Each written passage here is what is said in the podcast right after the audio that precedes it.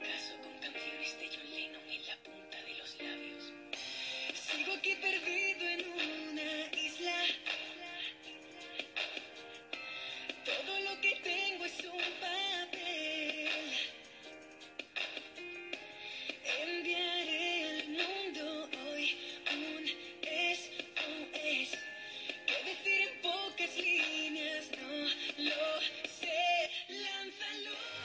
Radio Choupiño. Dende Uíes, Carlos Casares, os alumnos de segundo da ESO, Zaira, Miriam, Iago Virueira e Alba, contactamos con Luis Fernández, o antigo director do noso instituto, e que agora, dende vai dous anos, é reitor do Colexio Reis Católicos en Bogotá, Colombia, e tamén o director dunha ONG. Hoxe falamos con el. Luís é unha persoa moi comprometida con a educación para o desenvolvemento, pero tamén falamos con Carlos Ferreiro, o actual director do IES Carlos Casares. Bos días, Luís. Ti eres o presidente do ONG. Como se chama? Chamase, eh, eh, normalmente en español, porque hai xente que non habla las escuelas de la tierra. En que consiste a, su, a súa labor? a túa labor? Pues básica, básicamente consiste en poñer en contacto eh, escolas españolas eh, bolivianas que se coñecen e traballen, traballen xuntos. O, o, máis, o, o irmanamento máis grande é o, o Luis Carlos Casares de Viana Aguro, a Unidade Educativa de Timoteo Rondales de Bolivia, que estades traballando xa desde fai casi oito anos. Eh, que método tedes para promocionar a vosa ONG? en, muy, en, en lugares muy concretos e aí onde traballamos nos coñecen perfectamente. Tampouco queremos que nos coñezan en toda España, sino que nos conozcan en Viana e que nos conozcan en Bermejo, e eso está asegurado. Por, eh, por boca a boca. Como acabaste sendo presidente dunha ONG e reitor dun colexo en Bolivia? Colombia. En Colombia. Pois pues porque unha vez me pediron unha axuda involucraria de se se podía axudar a facer un, un, un instituto e eu antes eu non podo dicir que non eu mandei un correo a Carlos Ferreiro e dixen se se unía. Le dixo que sí. E dixen a outra amiga que traballa en Quiroga que se chama Lucía e dije que sí. Eh, entre profesores de Viana amigos de Quiroga pues fixamos un grupo de unhas oito persoas e, e simplemente eu bueno, presidente pero calquera deles se pode ser. Que perfil económico de alumnos tedes en Bogotá? Eso non ten, eh, eh, o meu traballo en Bogotá non ten que ver con, é o contrario, é dicir, é un colexo español, é un colexo como ese de Viana, é un colexo que España decidiu facer cando nos anos 80 aquí como pudo facer en España, é español, os libros son españoles, os profes son españoles, o que foi director de Viana do Bolo, agora é director de Bogotá, é decir, é todo español, e son nenos eh, de clase alta, todo o contrario. Por exemplo, aí estudia a filla do ministro de Justicia, a filla do embajador de, de Polonia, eh, fillos de empresarios españoles, son xente con, con posibilidades. Pero ter posibilidades non quere decir ser ni máis ni menos inteligente. Afortunadamente en España tedes, temos a sorte que o fillo do campesino ten as mínimas posibilidades que o fillo do emprendedor de dono dunha empresa. Solo depende de que querades. Eh, Aquí non, Colombia non. En Colombia o fillo de alguén de clase baixa non ten as mesmas opcións que o fillo dun empresario. En España sí. A función de escolas da terra parecía se levar a cabo en Colombia? Sí. sí.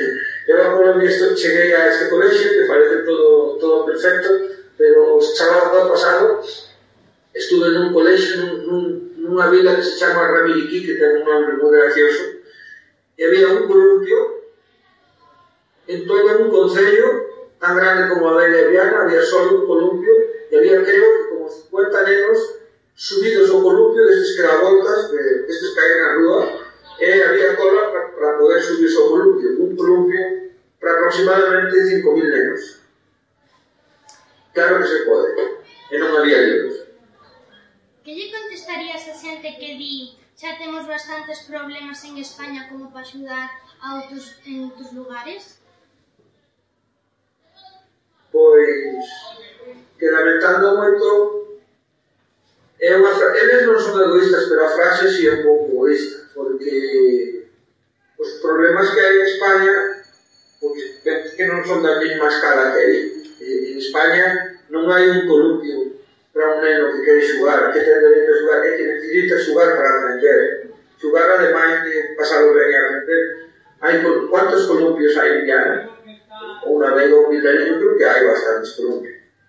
Tocades casi a un columpio por, por, 20, por 20 ou 50 nenos non por 400 ou 500. Aquí morren nenos todos os anos de menos de 10 anos e, e en Bolivia máis todavía por desnutrición. En España non. Eh, en España temos asegurada os, os medicamentos, agora circulatorio da venta de migalillo de medicamentos. Aquí no. Por lo tanto, non podemos decir que hasta que arreglemos todos os problemas de España non arreglamos estes, porque eso sería injusto. É decir, encima de que sempre están en crisis, como nós agora estamos en crisis, xa non, ten, non temos nada que aportar. E ademais, eu aprendi co tempo unha cousa, que me apoia a uns, suele apoiar os outros. É dicir, que me apoia os dali, apoia os daqui. E que non apoia, mm, non apoia nin a un nin a outro. Os pobres non teñen nacionalidade, os pobres son pobres. E hai que axudarlos onde este. Alguén que se está afogando, hai que axudarlo está no río de Vilariño ou se está no río Taxas. dicir, hai que axudarlo, eso simplemente conciencia humana. Non é cuestión de carnet de identidade. Eh, por bueno, gracias. Gracias. gracias. Mm.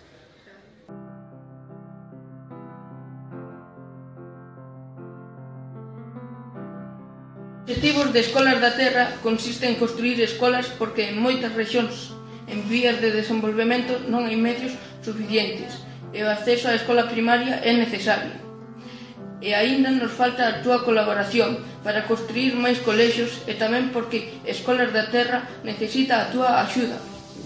Contacta coa páxina web de IES Carlos Casares ou no blog Bermejo Diana.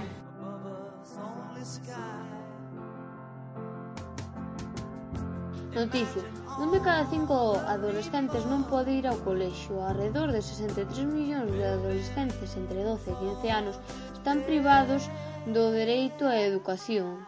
En total, eh, 121 millóns de nenos e adolescentes nunca foron á escola ou abandonados. O que os que viven en zonas de conflito son os nenos máis afectados ten que traballar e tamén son aqueles os que sufren discriminación por etnia, xénero e discapacidade. E a estrategia que están seguindo está baseada en mandar máis profesores para que den máis clases, mandar máis libros de texto, pero non é suficiente, xa que non pode chegar a todos os nenos desfavorecidos que hai. As zonas máis afectadas son as que teñen unha alta taxa, que son Eritrea e Liberia. Pero se si seguíramos así, aínda podíamos mellorar algo, pero aínda 25 millóns de nenos nunca foron á escola de irán. Pero moitas ONGs como a ONU, etc., intentan axudar para que esa situación poida mellorar.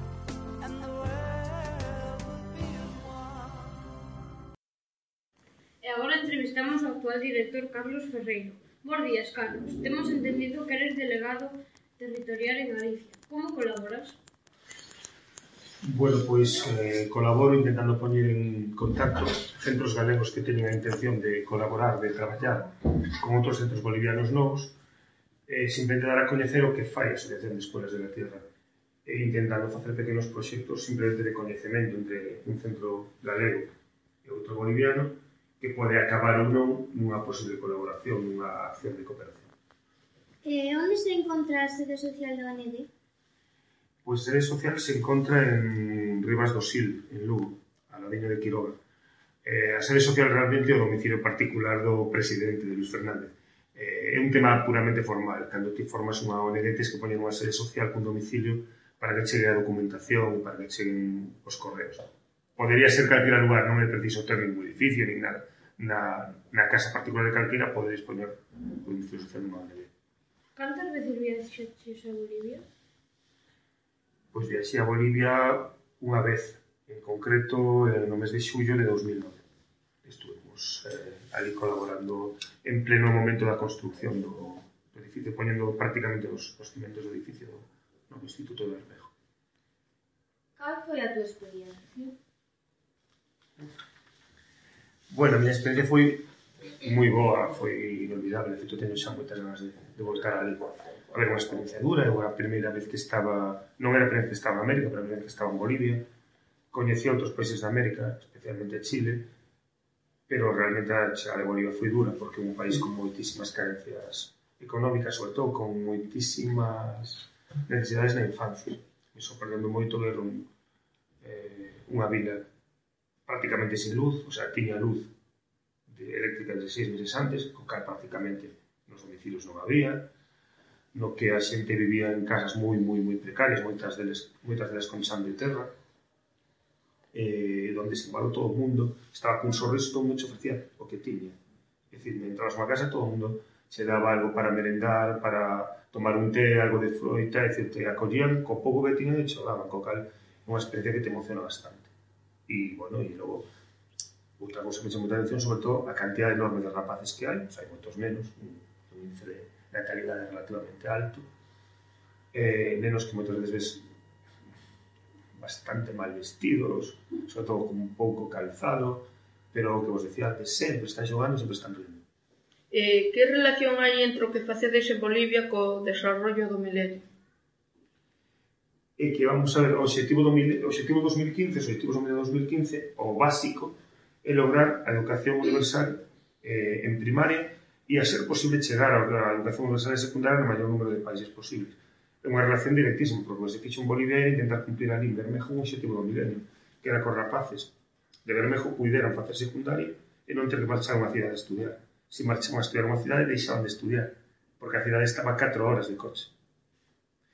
Si, sí, esa outra situación, vamos a Bermejo é unha, unha vila, un pueblo pequeniño, de comparar en habitantes con Viana do Bolo, que pase que non ten ninguna comparación en canto a medios económicos nin infraestructura. O sea, en realidad son un montón de casas con dous bares de carretera e, e nada máis, non? Bueno, está a 120 km de, de Santa Cruz de la Sierra, que é a, a grande cidade boliviana. E fixaros, esa distancia que hai de Viana a Ourense. Nos tardamos de Viana a Ourense unha hora e cuarto, eles tardan 4 horas.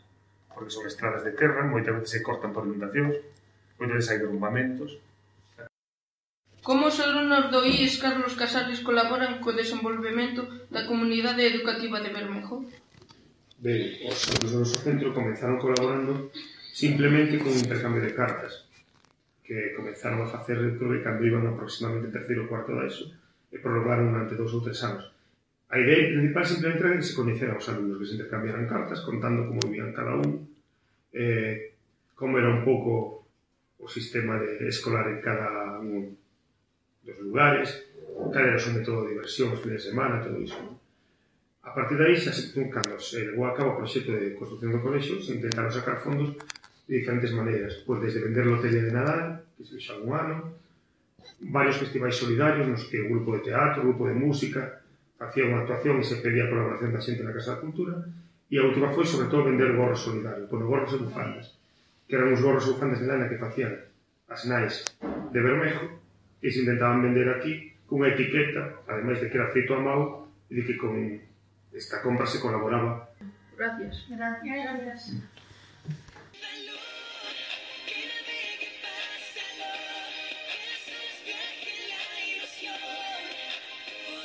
Gostaríamos rematar cunha reflexión de María Montessori, A primeira tarefa da educación é axitar a vida para deixala libre para que se desenvolva.